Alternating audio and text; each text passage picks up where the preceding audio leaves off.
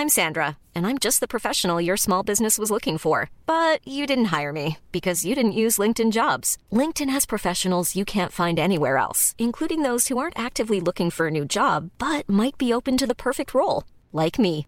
In a given month, over 70% of LinkedIn users don't visit other leading job sites. So if you're not looking on LinkedIn, you'll miss out on great candidates like Sandra. Start hiring professionals like a professional. Post your free job on linkedin.com/people today. Hey, I'm Ryan Reynolds. Recently, I asked Mint Mobile's legal team if big wireless companies are allowed to raise prices due to inflation. They said yes. And then when I asked if raising prices technically violates those onerous two-year contracts, they said, "What the f*** are you talking about? You insane Hollywood ass." So to recap, we're cutting the price of Mint Unlimited from $30 a month to just $15 a month. Give it a try at mintmobile.com slash switch. $45 upfront for three months plus taxes and fees. Promo rate for new customers for limited time. Unlimited more than 40 gigabytes per month. Slows. Full terms at mintmobile.com.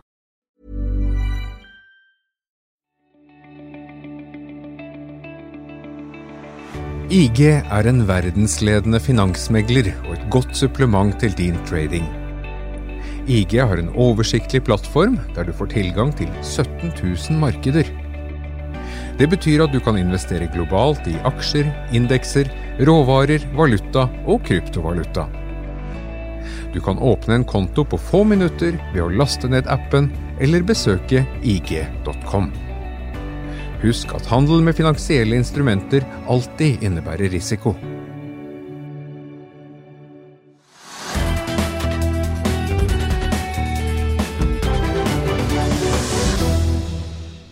til Økonominyhetene i dag onsdag. I dag har vi snakket om boligprisene sammen med Grete Meier i Privatmegleren. Vi skal også ta oss gjennom de viktigste punktene på Oslo Børs i USA. Vi begynner med noen hovedtrekk her hjemmefra.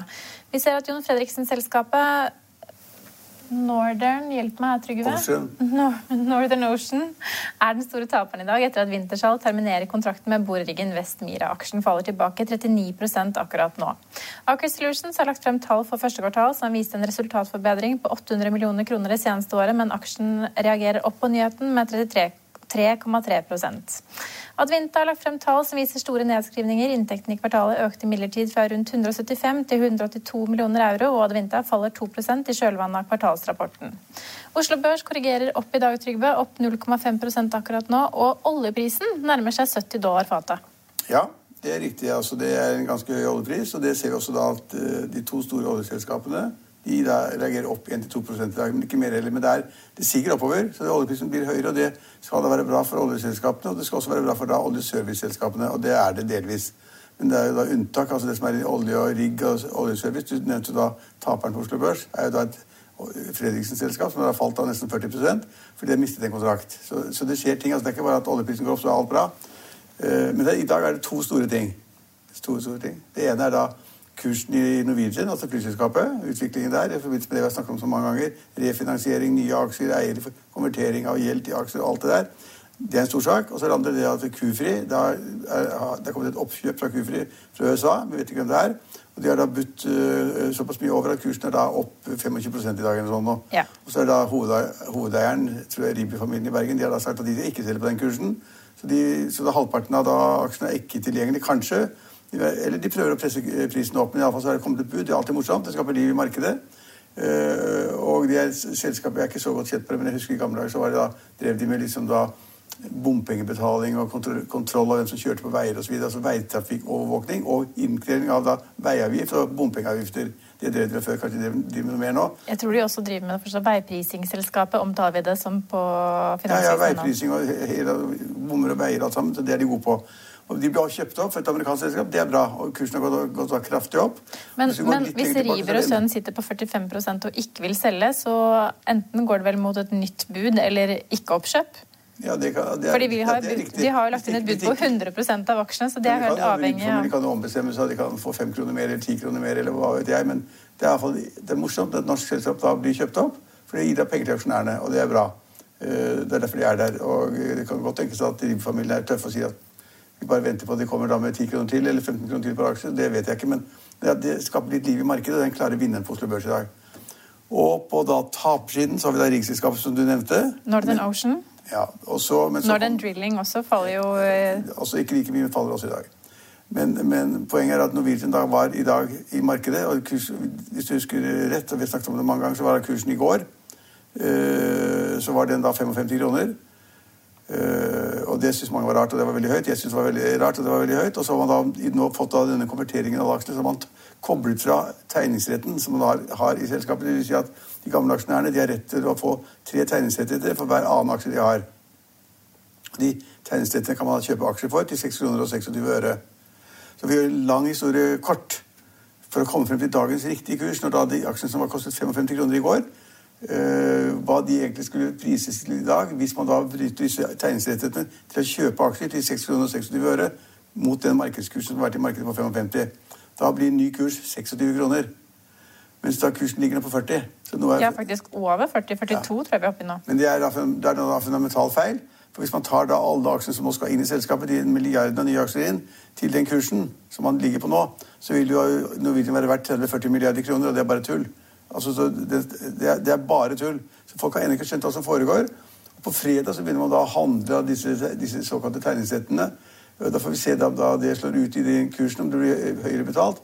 Men altså, hvis alle aksjonærene benytter sine tegningsretter, så vil man på en måte da resultatet gitt. Så den oppgangen vi ser nå på 62,6% i Norwegian, den er åpenbar preget av at vi nå går eks tegningsretter? Ja, I tillegg, i tillegg til at markedet ja. kanskje ikke helt har forstått hva som foregår? Ja, de, de skjønner det ennå ikke. Og poenget er at de nye aksjonærene, de, de som har kommet inn da på altså, såkalte hjørnesteinsinvestorer, som da Fredriksen og et par andre, de betaler da 6 kroner og 26 øre per aksje. Og, så, og de, de kan, kan legge champagnen på sjøl, har jeg lest. Kanskje. kanskje, kanskje også, og, og, kanskje. Eh, og de gamle aksjonærene de vil, de vil bli sittende med mindre enn 5% i det nye selskapet. Og alle de nye aksjene kommer inn. Og så priser man det da nå helt feil. Eh, og Det får vi se på fredag, hvordan det utvikler seg. Men kursen skal ned. Men det er litt morsomt å se at også Flyr går jo i dag. Stiger 5-6% på Oslo Børs akkurat nå. Ja, det vet jeg ikke. Jeg så det, men jeg er ikke helt sikker på hvorfor. Altså, er det fordi det at eh, Norwegian nå er sikret og som skal på børsen, og det blir interesse om Norwegian? Kanskje. Eh, det er ikke kommet noen, ikke kommet noen nyheter om Flyr. Det er ikke, så det, det vet man ikke. Men, men, Flyr blir jo en konkurrent. De, de har også skaffet seg der, eh, folk med penger som skal stå bak og finansiere selskapet, sammen med Erik Bråten og hans venner. slik at og de kan jo leie fly billig, for det, er ja. åpenbart fly tilgjengelig i markedet. Ja, altså Norwegian som nå kommer, med da Fredriksen som aksjonær, eh, er et, vil, vil sannsynligvis være et større selskap til å begynne med, men prisingen er helt vill.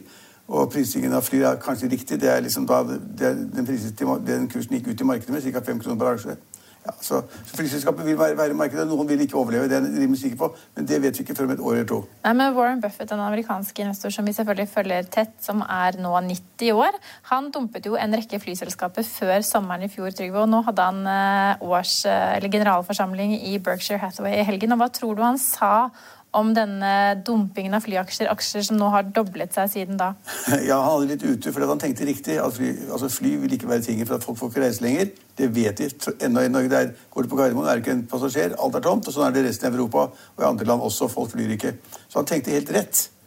At flyselskapet var ikke noe man skulle ha pengene sine i, så solgte alt. Og så, men, og det gjør også Cruiseselskapene gikk også rett ned for at cruiseselskapene kunne ikke gå. Skipene ble lagt til kai. Ingen fikk lov å reise osv. Alle kjenner historien hvis du går et år, tilbake. Men så har det gått så utrolig fort tilbake igjen.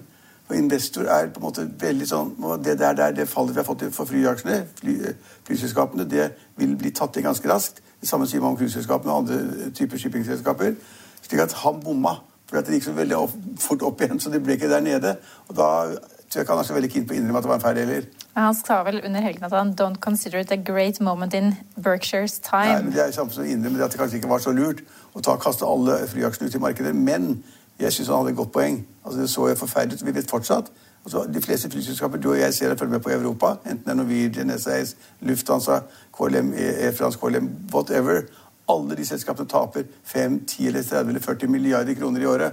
Men Hvis vi tar et lite sidesteg fra Oslo Børs, vi skal ikke slippe Oslo Børs helt enda, men hvis vi bare ser på hva regjeringen kom med i dag, da, så åpner de jo for det at vaksinerte nå skal kunne reise igjen. Og, ja, og at de åpner også for at innreisekarantene eller innreiserestriksjoner skal lettes på allerede fra juni for vaksinerte. Ja, det er jeg veldig for. Nå er jeg fullvaksinert fra i går. Ja, det tar enda tre uker før du er full. Ja, så, så, så, men, men, det er klart at Altså, de må åpne opp. De har åpnet opp i Italia, de har åpnet opp i Frankrike, de, de har åpnet opp i Danmark. Man får lov å sitte ute og spise, kanskje ikke inne. Uh, man får lov å skjenke osv. Det får man ikke lov i Norge ennå. Uh, og I Oslo så er det åpnet opp da med kjøpesentre og butikker osv., men ingen skjenking. Uh, så det åpnes opp, ja. Og det er klart at i det øyeblikket EU fast, sier at nå skal alle inn i EU få lov til å reise til hvilket land de vil innen EU, og Norge regnes med som et EU-land fordi vi er medlem av EØS, vi er sånn sideordnet medlem av EU. Så hvis de sier det, så vil vi få lov å komme til når som helst til alle disse 27 landene innen i EU. Og de vil også få komme til oss, og det må de få lov til. Det er ikke slik at vi kan reise til Frankrike og sole oss øh, der nede i Middelhavet, og så får da ingen lov å komme til oss. Sånn er ikke det internasjonale Men vil ikke det en bonanza flyreiser som skal foretas, jo, og, og, vil ikke det åpenbart prege resultatene til flyselskapene nå jo, utover? Du, ja, jo, absolutt. Hvis folk begynner å reise, så blir det mer, mer drift av flyselskaper, og flyselskapene tjener mer penger.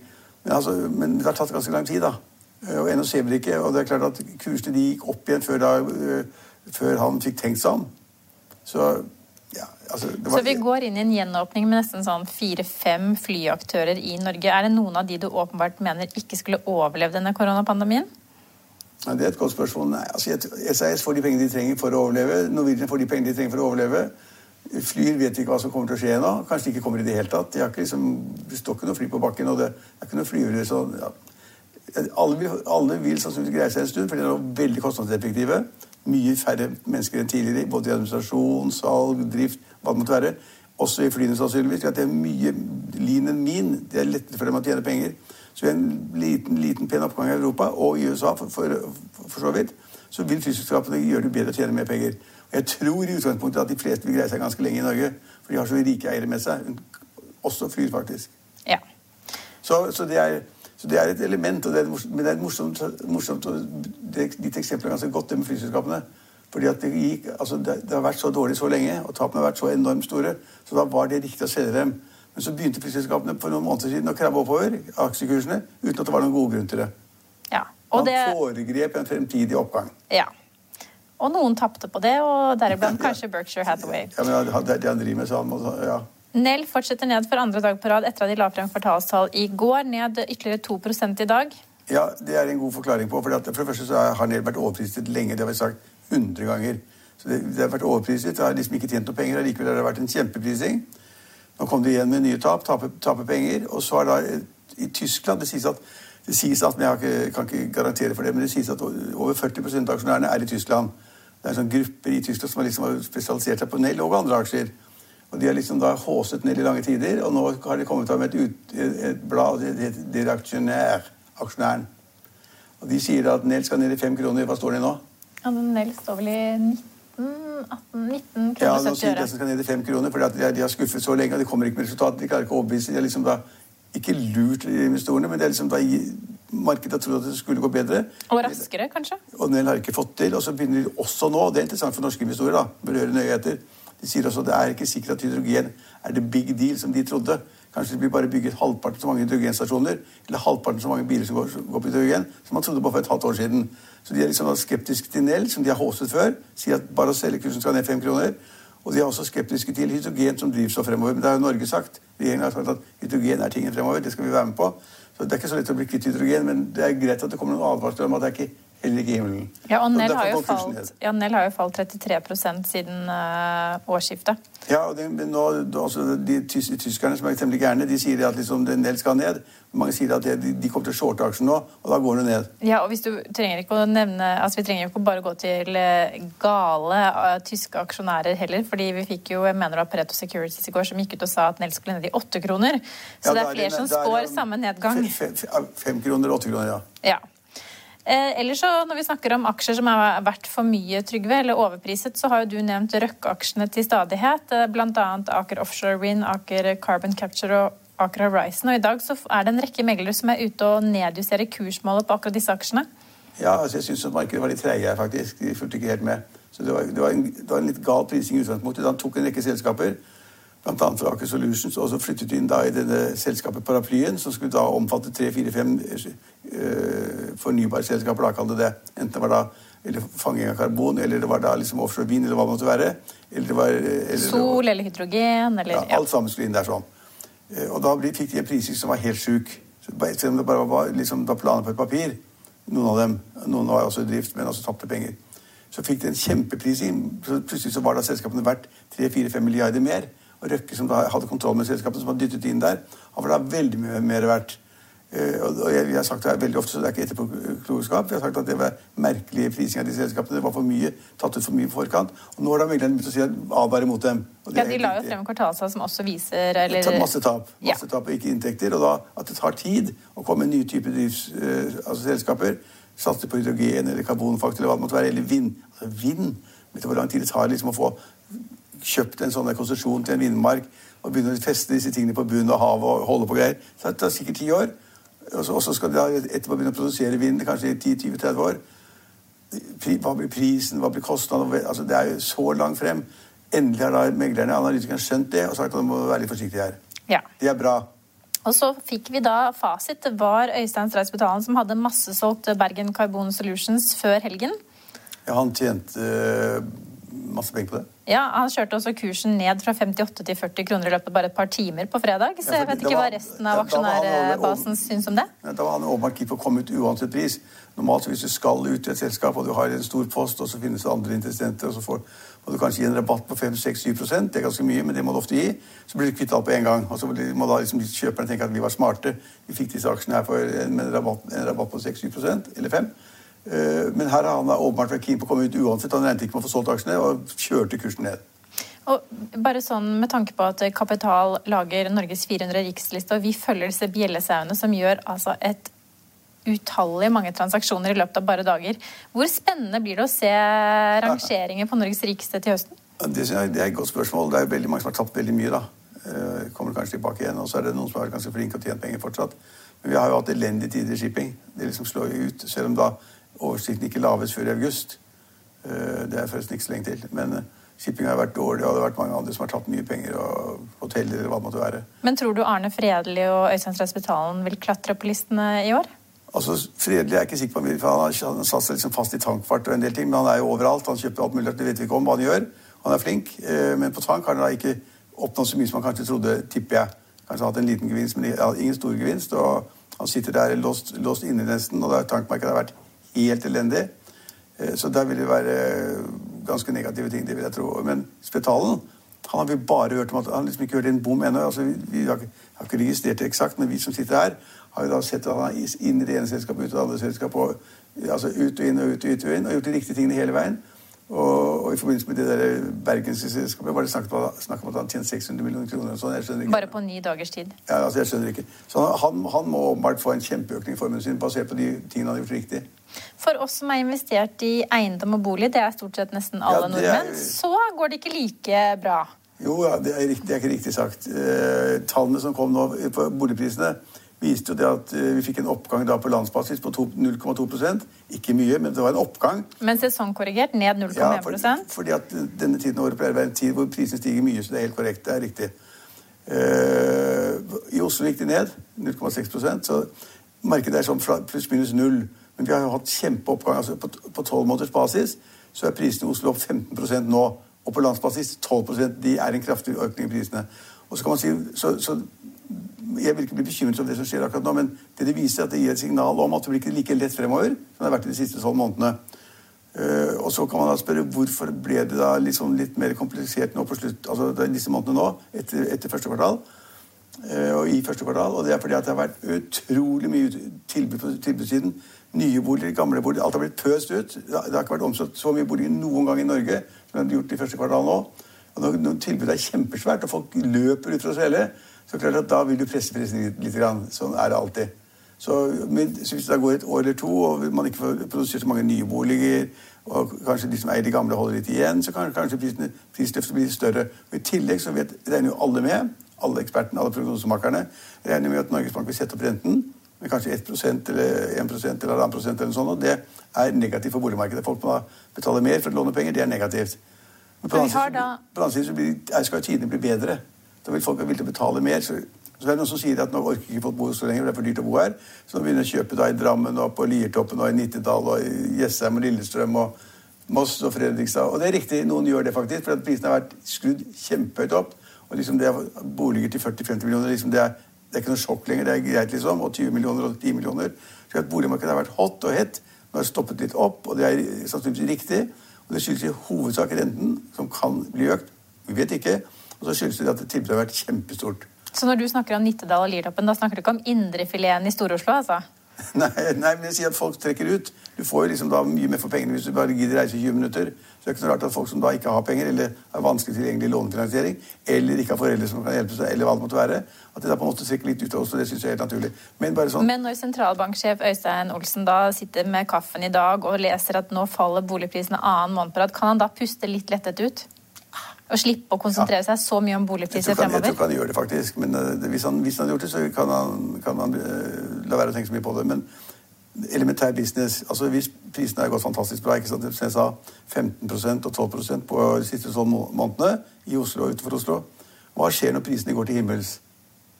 Hva skjer i ethvert et, hvert marked når prisene går til himmels, Eline? Enten da er hva? Jeg jeg er bare litt usikker på hva du vil frem til her. Nei, nei, nei. Det er, så, det er, da går, da, hvis, prisene går veldig opp så eksempel ta malerier, da. Hvis, altså, hvis prisene på en kunstner går veldig mye opp, hva skjer da? Det blir vanskelig å få tak i. Nei, det blir lett å få tak i. Poenget er at Da vil jo folk hente frem fra loft og Ja, sånn, ja. Da vil de hente frem alt de har. ikke sant? Og da vil liksom, det vil folk Ja, men Det er kanskje det man har sett nå, at man har hatt denne voldsomme prisoppgangen det siste året. 15% Så alle har nå tenkt at nå må vi selge, nå må vi få Ja. denne prisoppgangen. Ja, eksakt. Da vil de begynne å selge, så at tilbudssiden øker. Og det kan da få prisen ned, som det har gjort nå. ikke sant? Ja. På samme måte at Hvis du da er en eller annen kunstner som da på auksjoner eller andre steder plutselig går veldig mye opp, så vil folk tenke at var ikke det bildet jeg så hos bestemor og bestefar? Det var jo på en måte et gudebilde, eller hva det måtte være. Og så nå selger vi det. Ja, ellers så tenkte jeg mer på at når, det, når en kunstner blir veldig kjent, så dukker det jo bare opp litografier og typografier, Jo, ja. og det er bare det ene etter andre. Så det bare masseproduseres, og da er det ikke like Nei, det er ikke like spennende. Nei. Men det er, en- det er en gammel regel at hvis man ser at liksom boligprisene går kjempemye opp, så vil det komme flere boliger på markedet. Og det kan da Og det har vi sett skje nå hele kan være Det kan være å trekke kvartal. prisen ned igjen. Og, og, det, og det gjelder nesten alle markeder. Det kommer frem ting hvis, prises, hvis det prises veldig høyt. Det er helt, det er helt opplagt, egentlig, men det, det, gjelder i så mange markeder at det er snart at ikke folk forstår og tenker på det. Ja. Så vi er, Litt boligpris så vi- vi- og, basis. ser ø, Boligmarkedet vil svekke seg litt, for det, det ser vi nå. Det svekker seg litt, og så får vi se da hvor mye renten går opp, og så får vi se hvor mye bolig som kommer i markedet. Men du har et veldig godt poeng når du sier at med den oppgangen vi har hatt, så er det mange som tenker skal ikke jeg også selge min nå, ikke sant? Altså, hva, Naboen fikk 20 millioner for leiligheten sin, ikke sant? Du sitter på en leilighet du har kjøpt for tre eller fire eller fem en gang, mange år tilbake, og så tenker du da skal jeg også ha 20 millioner. ja. tenker man. Men vi hørte i hvert fall sjeføkonomer juble i dag, for nå mener de at det blir mye lettere for de som skal inn på markedet for første gang. Og om det blir så fryktelig mye lettere med en liten nedgang på to måneders tid, det gjenstår å se. Ja, det er også et godt poeng, men på den annen side så er det det viktigste er de som eier boliger. Det skal, de som er, er det fint at de taper penger hvis, hvis det går ned, i forhold til de som da skal inn i markedet. Det er ikke eierne, det er de som eier, de eier. Men taper og taper. altså Det er jo da snakk om papirgevinst her, og så er det jo også da snakk om penger som skal inn i Selger du et marked, så skal du mest sannsynlig kjøpe i samme marked. Så Nei, da, det, du vet akkurat det ikke er riktig. Så, nå, nå, nå, Vi er ikke helt enige om de boligprisene i dag, hvis du- Trygve. nei, Hvis du selger, hvis du, hvis, hvis du selger boligen din Ja. på Frogner i Oslo, Ja. så får du et eller annet Kjøper i. Nittedal. Nei, nei, men så skal jo du, har du kjæreste, skal du gifte deg med eller sånn, nå, og da har han bolig, så kan du selge den ene. Da har du fått ut hele gevinsten. Så Ja enkelt er det. ja, ja. Jeg er helt enig med deg. Det er ikke noe morsomt å se boligprisnedgang når man sitter er ikke og slik. eier. Du var inne på noe som mange tror. At det alltid er slik at du skal inn i markedet likevel, og så er det høyere priser overalt. Det er ikke sånn det er. Det er ikke sånn det er. Noen, altså, Men jeg tar med meg lærdommen. Jeg skal kjøpe på Liertoppen. ja, det er bra. Hey, I'm Ryan Reynolds. At Mint Mobile, we like to do the opposite of what Big Wireless does. They charge you a lot, we charge you a little. So naturally, when they announced they'd be raising their prices due to inflation, we decided to deflate our prices due to not hating you.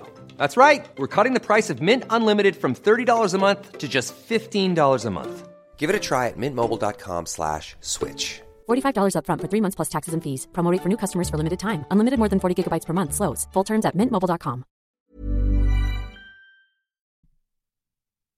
I'll see you in court. Vi sier det ofte litt på spøk, men for deg som driver business, er det aldri moro å innse at du ikke har laget en 100% gyldig kontrakt. Du bør ikke risikere hele firmaet ditt fordi du synes dette med kontrakter er litt stress. En avtale er ikke en avtale. Du kan miste kunder, miste venner, ja, til og med miste inntekter om du ikke lager en skikkelig kontrakt, på alt mulig, egentlig. Men vi vet det er et styr. Kopimaskiner, tregprinter og haugevis av papir. Dessuten stoler vi jo på folk her i landet. Det er ofte litt kleint å skulle be om en signatur for alt mulig, ja, for mye av styret handler også om jakten på underskriften. Det finnes en enkel måte å løse dette på. Dukkobit, en trygg, effektiv og get this, gratis måte å sikre seg en god natts søvn pluss en juridisk bindende avtale. Dukkobit-appen har de strengeste sikkerhetskrav i bunn, samt en EU-godkjent og sertifisert teknologi. Framover vil det bli behagelig å spørre du, skal vi skrive under på det, eller? Kom i gang på dokobit.no. Vi skal i hvert fall snakke mer boligpriser nå med Grete Meyer fra Privatmegleren. Grete Meyer, eh, administrerende direktør i Privatmegleren. I dag fikk vi boligprisene for april. Hva kan du si om de tallene? Eh, jeg må si at jeg ble veldig glad, om jeg kan si det sånn, i forhold til prisutviklingen. For nå får vi en myk landing i forhold til det litt sånn Texas-markedet vi faktisk har hatt etter eh, mai i fjor.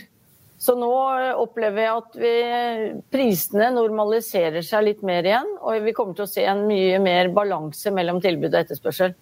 Men det er da andre måned med sesongkorrigert nedgang. Eh, tror du denne nedgangen vil fortsette, eller vil vi flate ut? Jeg tror vi kommer til å se faktisk Oslo en nedgang både nå i mai og juni. Og så en liten oppgang i august igjen, sånn som det pleier å være, og så noe nedgang. Så nå ligger jo Oslo på 15,7. Jeg tror vi kommer til å gå ned mot eh, i overkant, altså tosifret, men mellom 10 og 11 på året. Og tilsvarende litt på landet, altså at vi får en litt mer nedgang igjen. Det er jo fortsatt en høy boligprisoppgang i Oslo. Eh, hva, hva, vil være avgjørende, som du skisserer jo et bilde av at vi kan få nå litt nedgang, eh, så oppgang som det pleier å komme på høsten. Men hva er avgjørende for hvordan boligmarkedet vil utvikle seg videre nå? Det er jo tilgangen på boliger som jeg tror kanskje blir det mest avgjørende, samtidig som selvfølgelig renteutviklingen er avgjørende. Det vi ser nå, at det er veldig mye oppdrag inn. Og det tror jeg gjør at vi ikke får den samme eh, press på pris. Og det er allerede det vi ser signaler på nå i, i april måned. Og jeg tror vi kommer til å se det videre fremover nå mot sommeren. Så derfor tror jeg vi får en svakere, altså en mindre økning i pris enn det vi hadde trodd. Og jeg tror vi får en, som sagt, en nedgang i Oslo, og på landet så tror jeg nok det blir flatt fremover. Karl, Karl Gjeving sier at Oslo har nådd pristoppen for nå. Deler du samme oppfatning? Jeg kunne ønske han hadde rett. Jeg tror vi kommer til å Vi har nådd pristoppen for i år. Men jeg er helt enig med om det var Samfunnsøkonomisk analyse eller hvem som sa det at vi forventer en prisøkning på 27% i Oslo de neste fire årene. Jeg tror minst vi kommer til å se det. Så nei, Oslo kommer til å fortsette, men vi kommer til å ha en eh, korreksjon nå. Og det både i Oslo og hele Norge. Fordi vi har hatt en veldig sterk prisutvikling nå det siste året. Mye takket være den lave renten, men også kanskje en koronaeffekt med at vi har hatt et veldig lavt forbruk for øvrig og brukt mye penger på bolig nå. Og mange har kanskje sett seg lei på små hjemmekontorer og liten plass? Jeg tror i hvert fall jeg må innrømme når jeg sitter selv og sola skinner inn eh, hjemme, og du ser at shit, her burde jeg kanskje gjort noe, så tror jeg det er en del som har fått sånne både at det trengs å gjøres noe, eller man bør kanskje bytte det i noe større, ja, fordi det har vært trangt. Så når NBLs eh, eh, sjeføkonom sier at dette er jo gledelige nyheter for de som skal inn i boligmarkedet, så er det en kortvarig glede? Ja, for Oslo tror jeg det er en kortvarig glede. For landet for øvrig så tror jeg vi kommer til å faktisk gå tilbake til 2018-2019-situasjonen sånn igjen.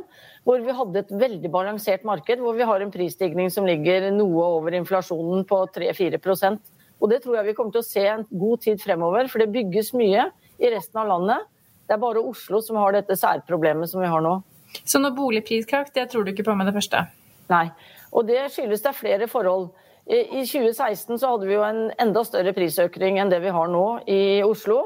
Så fikk vi boliglånsforskriften som tilsvarende gjorde at vi fikk det lille krakk, om du kan kalle det, ned med litt over 10% i 2017. Nå har vi boliglånsforskriften inne. Vi har en, mye, en veldig lav rente som kommer til å forbli lav, selv om den kommer til å øke noe. Og jeg tenkte sånn som jeg så tallene i dag, så tenkte jeg å, nå tror jeg Øystein Olsen blir glad. For nå slipper han å måtte kanskje ta så mye hensyn til boligmarkedet i forhold til når de skal tenke når de bør sette opp renten. Og kan de se mer på totaløkonomien igjen i Norge. Men hvis vi skal gå til privatmegleren, Du sier at dere har stor pågang av eh, eiendom som skal ut i markedet. Hva er det dere ser er de typiske lettsolgte og tungsolgte objektene akkurat nå? Det har skjedd noe fra før påske og etter påske. Veldig rart at det på så kort tid har gått fra å være et veldig opphetet marked til å bli nesten et eh, marked i balanse igjen. Så det meglerne sier nå, er at nå må man, er markedet mer selektivt igjen. Det er mye mer å velge i. Så sånn sett så er det vanskeligere nå å få det som man kan kalle tungsolgt. Og tungsolgt er jo ofte det som har en beliggenhet som ikke så mange ønsker seg, eller som ligger på litt områder hvor man Altså grisgrendte områder eller leiligheter i første etasje eller uten balkong og ikke sol og alt dette her. De er nok tøffere å selge nå enn det det var allerede før påske. Men vi ser jo det som er typisk nå, er jo at nå kommer jo veldig mye av familieboligene og de med haver, rekkehus og eneboliger som kommer nå. Og så er det færre eh, små leiligheter i sentrum som går akkurat på den tiden her. Alt i alt så må vi da forvente oss at eh, både mai og juni kan bli noe lignende april? Ja, jeg tror vi kommer til å se det. Jeg tror det er en god oppsummering. Ganske flatt på landet og ned i Oslo. Høyt volum. Og mye å velge i. Nå skal dere være glad dere som er kjøpere. Og selgerne tror jeg må belage seg på at vi nå, denne veldige stigningen vi har sett, den er over for denne gang. Jeg skal så vidt innom USA og Wall Street, og sendingen på Wall Street ser ut til å være svakt positiv akkurat nå. Vi ser at Dow Jones legger på seg 0,1% SMP 500 stiger 0,3% mens Nasdaq er opp 0,4% Vi er tilbake i morgen klokken 15.30. Følg med oss igjen da.